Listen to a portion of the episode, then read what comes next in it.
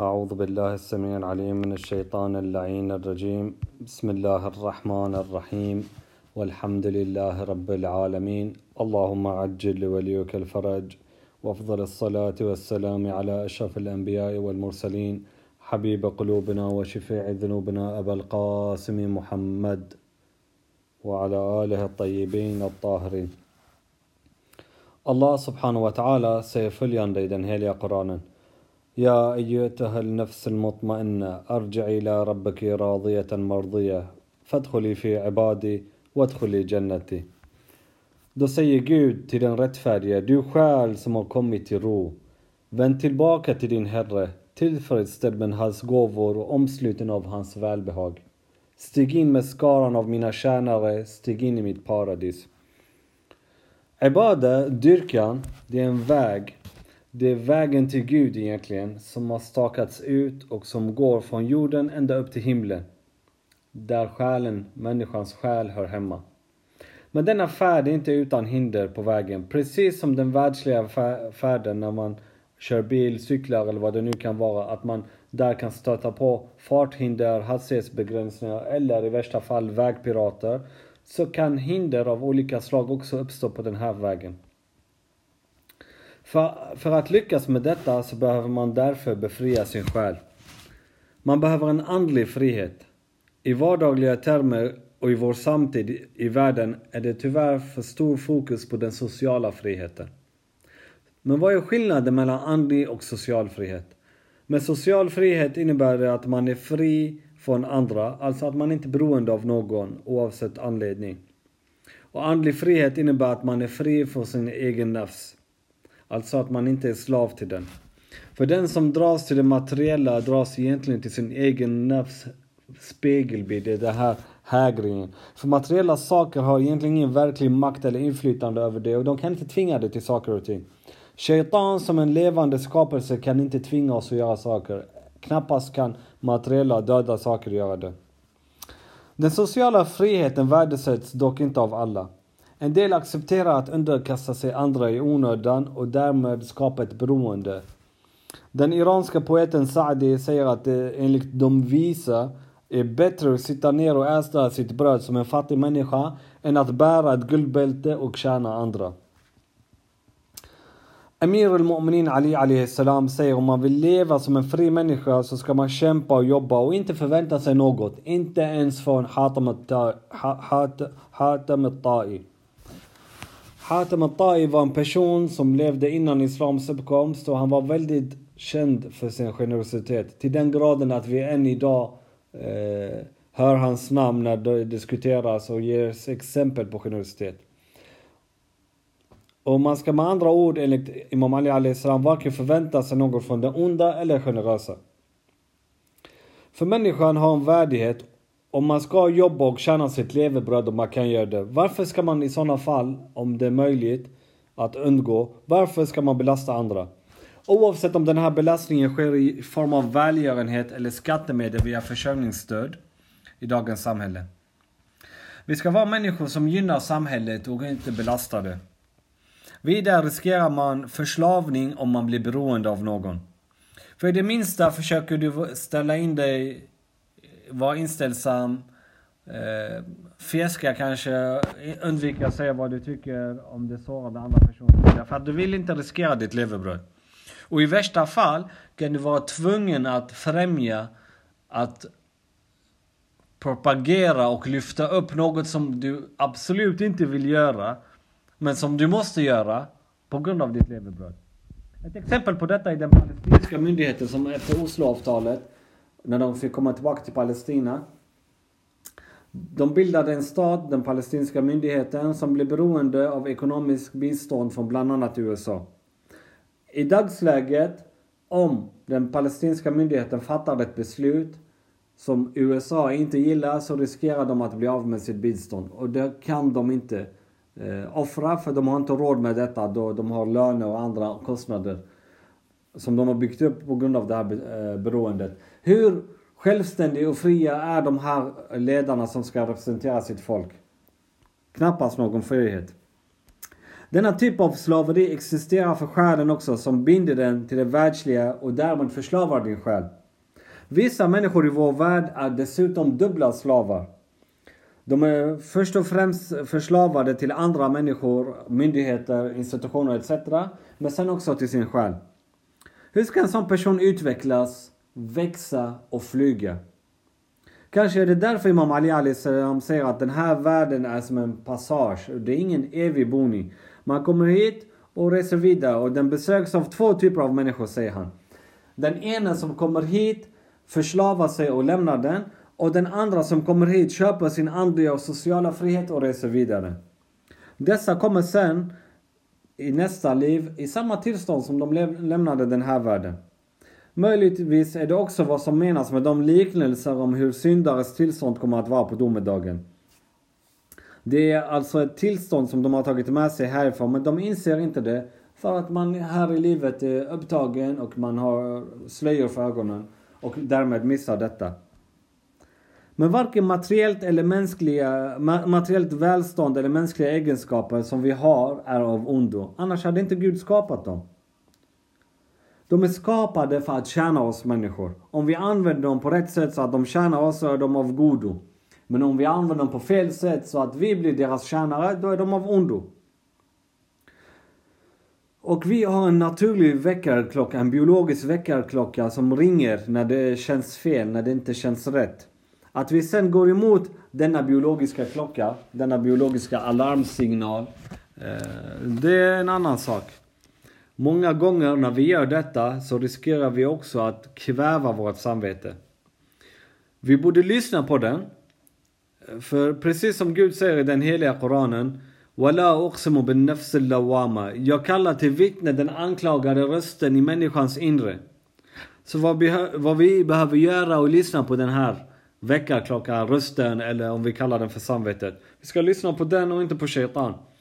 Alla människor har den rösten och den, de hör den. Men den rösten kan, med den rösten kan man därför vara sin egen domare och döma sig själv innan man står inför den gudomliga domstolen på domedagen.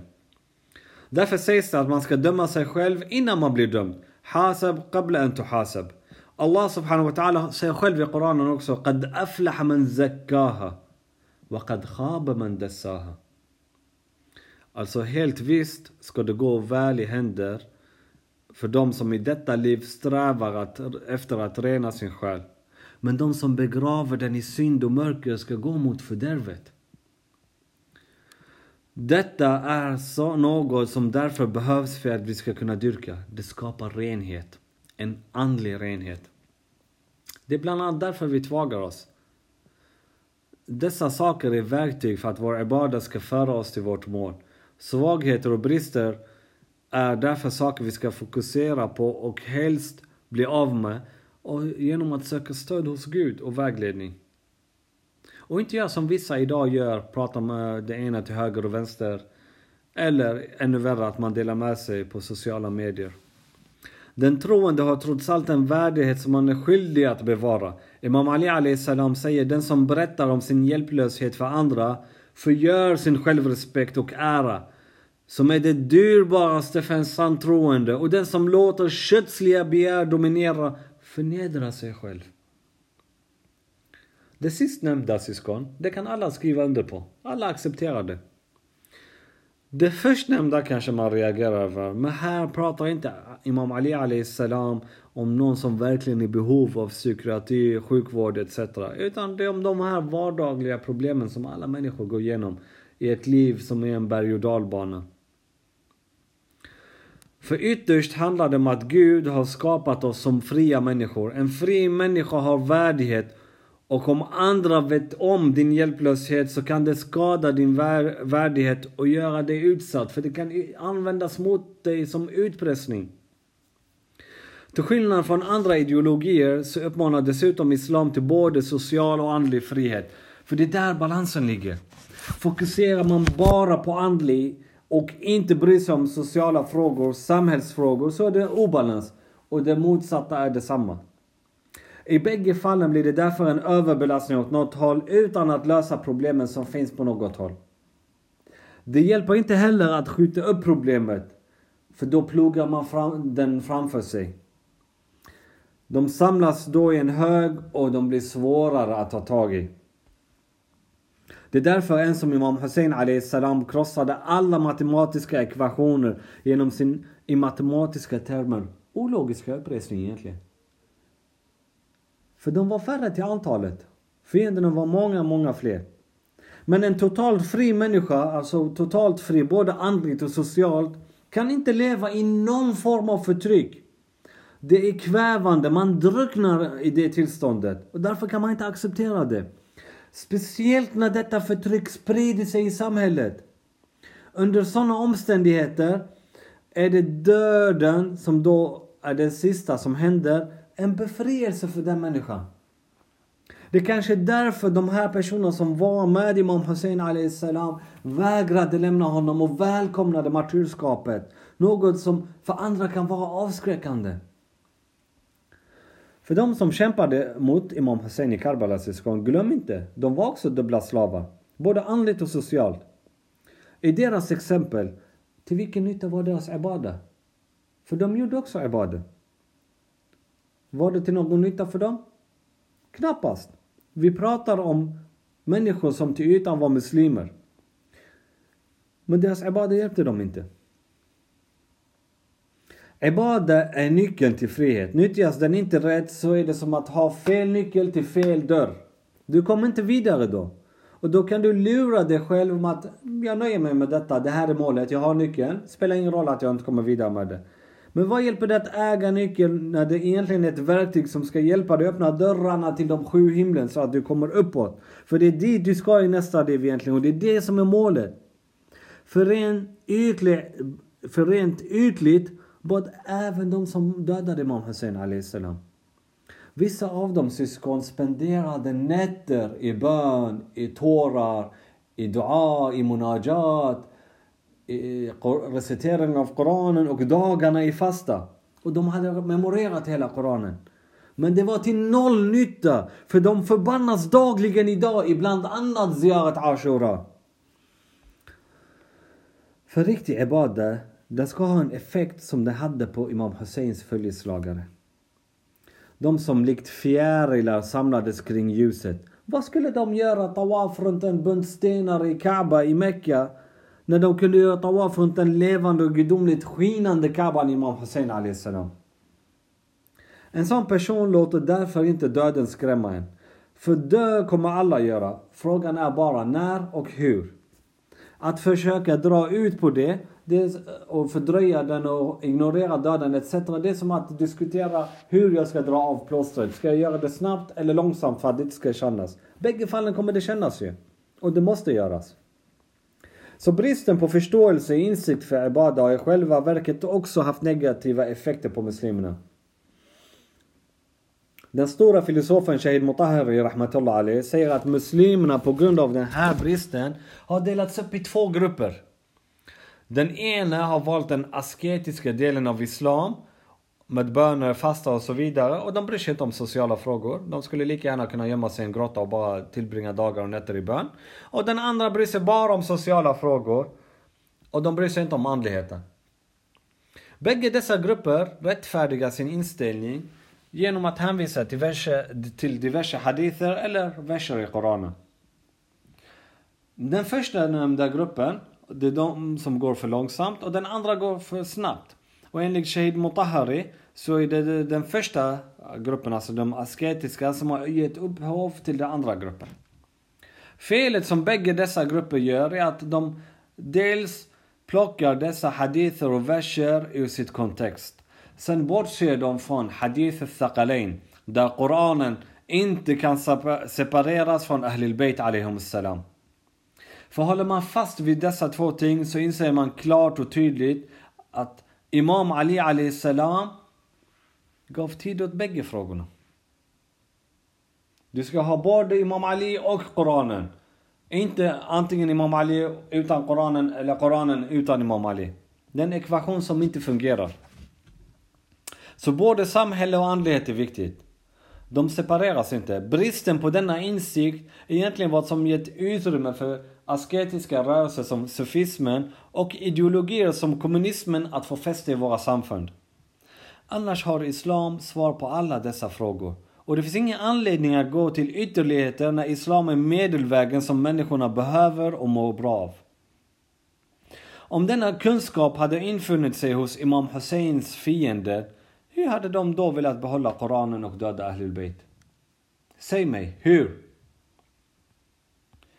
Allah subhanahu wa ta'ala säger i Koranen وَاقِيمُوا الصَّلَاةِ وَآتُوا الزَّكَاةِ وَارْكَعُوا مَعَ الرَّاكِعِينَ Alltså förrätta bönen och ge åt de behövande och böj era huvuden med de andra som böjer sina huvuden i bön.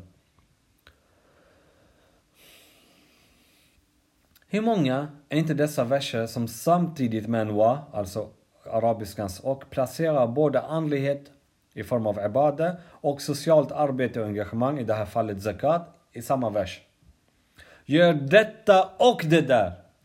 Koranen innehåller fler verser likt denna och var och en av dem är ett bevis på att den islamiska världssynen bekräftar och betonar andlighet och sociala delen är sammanflätande. Inte uppdelade, inte splittrade, inte separerade. Därmed inte sekulariserade.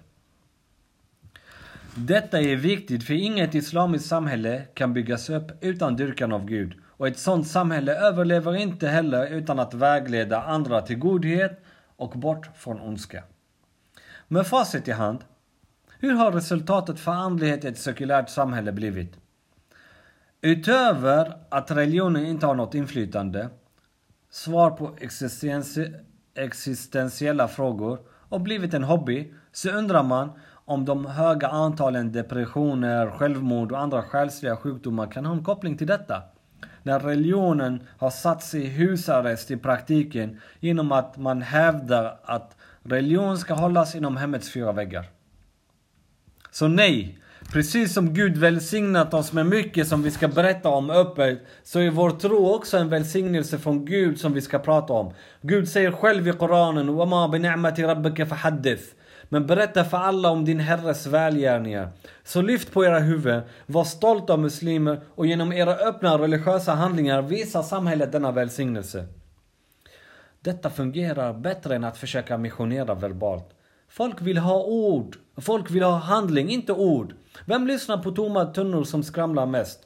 Men lever du enligt din tro och din ebade så kommer du åtminstone väcka nyfikenhet hos dina medmänniskor. För vi har en plikt att bry oss om alla medmänniskor som finns omkring oss. För en person som är omsorgsfull om sin bön är också omsorgsfull om Guds skapelse. Man bryr sig om bönen, då bryr man sig om Guds eh, skapelse också. Den som tar lätt på bönen och annan form av ibada riskerar också att ta lätt på annat. Vad menas med att ta lätt på bönen?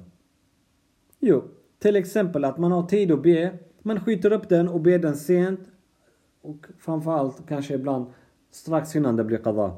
På så sätt stressar man igenom den och låter inte själen och sinnet få sin ro som den ska få genom ibadah. Imam Ali salam säger att bönen är Guds rahma som regnar över människan. Och Gud själv säger i Koranen الذين آمنوا وتطمئن قلوبهم بذكر الله ألا بذكر الله تطمئن القلوب de som tror och vars hjärtan blir stilla när Guds namn nämns.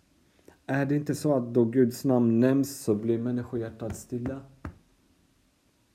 En person som tar lätt på bönen, förtjänar den utan anledning och så vidare, inte ens kapabel att erhålla shafa'a, förmedling från Ahlul Bayt salam, enligt Imam Sadiq. Så se till att skapa en atmosfär i era liv så att ni kan förbereda er i lugn och ro till bönen. Har ni möjlighet så välj ett rum. Och om ni inte har möjlighet så välj en yta i ert hus, lägenhet och så vidare så att det blir en speciell böneplats där. Det kommer bli som en moské i ert hem. Då kommer ni också känna skillnad när ni strax innan det är dags för bönen börjar med er wudu.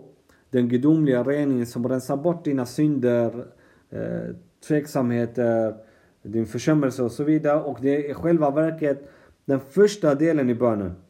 Och du genomför det med Imam Ali Ali salams vackra dua för varje del du tvättar. Och sen läser några verser i Koranen för att därefter resa dig, göra adhan och iqama och inleda ditt samtal med Gud. Syskon, stressa inte genom bönen för det är lika skadligt för själen som att stressa i sig maten för, är för kroppen. Om man hoppar över dessa steg och bara stressar igenom allt så får man inte mer än andliga snabbnudlar. För Islams storhet ligger i helheten och inte bitar av den. Annars riskerar vi att gå andligt hungriga Precis som kroppen går hungrig på vitaminer, proteiner och andra former av ingredienser som finns i annat nyttigt än att bara äta snabbnudlar. För i slutändan är dyrkan en garanti för Islams sociala inflytande. Vi ber i grupp, vi påminner varandra och så vidare. Att mana till goda handlingar och att ha Gud i fokus med andra ord.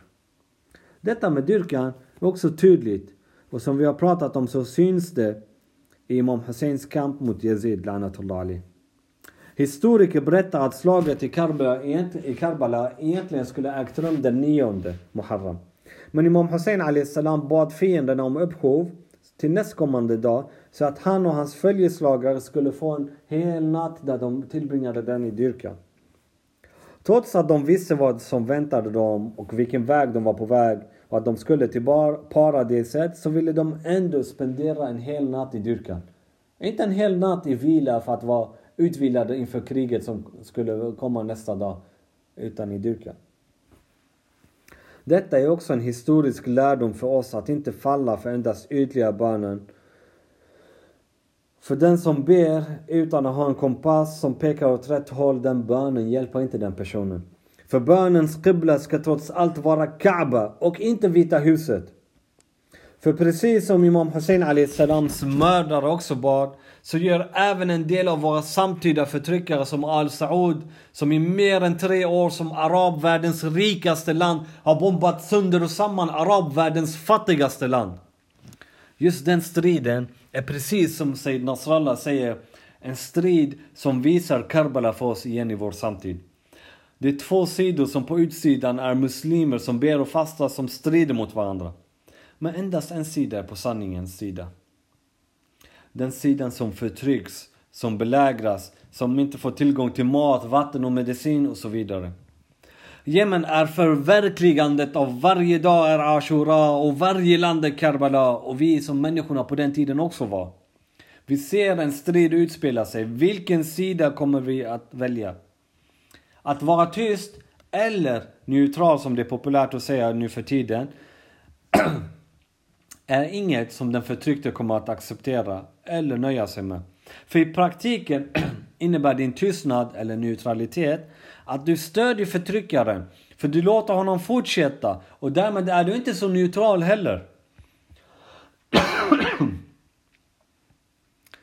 att sörja Imam Hussein och förbanna dåtidens Shemr och Yazid utan att ta ställning och höja din röst för Jemen idag är lika lönlöst och brist på förståelse som dåtidens Shia som i flera år passerade förbi fängelse, fängelserna i Bagdad där Imam Kadam salam var fängslad på deras smash under Arba'in till Karbala. Dåtidens Shimr och Yazid är döda. Ta ställning mot dagens Yazid och Shimr.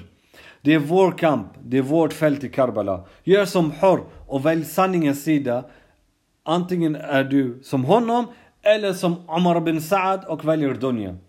För bägge hade kunskap, bägge var religiösa. Men den enas bön ledde honom till helvetet och den andras bön till paradiset. För den ena hade Koranen medan den andra hade Koranen och Ahlul Bayt. Och därmed var den ena berövad av en sann och uppriktig ibada med wilaye och den andra fylld med den. La yom ka yomak ya Aba Abdullah. Ingen dag är som din dag, ya Abba Abdullah. De följeslagare som var med Imam Hussein salam såg fram emot martyrskapet med honom. Även om de utsattes för svåra prövningar så klarade de av dem en och en men de genomled inte den svåraste prövningen som skulle komma senare. Och det var den prövningen som de kvarlevande från Imam Husseins familj fick efterleva. Zainab salam och Imam Sajjad salam upplevde och såg Karbala och det som hände därefter. Det sägs att när slaget var över så begravde fienderna sina döda medan Imam Husseins välsignade kropp och hans följeslagares kroppar blev kvar. en del av Bani Saad, Bani Asad förlåt, som inte hade deltagit i striderna, kom dit och grävde gravar. Men när de skulle försöka begrava martyrernas kroppar så lyckades de inte, för de kunde inte identifiera dem, för de saknade sina huvuden. För de var huvudlösa. Enligt våra hadither så kom Imam Sajjad salam då och informerade dem om martyrernas kroppar. Imam Sajjad salam begravde själv sin far medan han grät och sa Gratulationer till detta land som rymmer din rena kropp. För världen efter dig är mörk medan nästa värld skiner upp av ditt ljus. Natten är sömnens budbärare men sorgen kvarstår för evigt. Och på graven skrev han denna grav tillhör Hussein ibn Ali ibn Abi Talib, den som dödades även när han var en törstig främling. Och bredvid Imam Hussein salams ben begravde hans, han hans son Ali al-Akbar. Och strax därunder begravdes spädbarnet Ali al-Azghar. Övriga martyrer begravdes i en massgrav i närheten av Imamen salam. Sen bad han Bani Asad gräva en grav till vid floden och där begravde han Bani Hashems fullmåne Abbas. Ni vet om att hans armar hade kapats av honom under striden när han försökte att eh, nå med vattensäcken till Ahlul Bayt salam. Så hans armar var inte ens begravda med honom på samma plats. Imam Sajjad bröt ut i gråt efter begravningen av Abbas salam och sa må världen efter dig utplånas, jag och Bani Hashems fullmåne.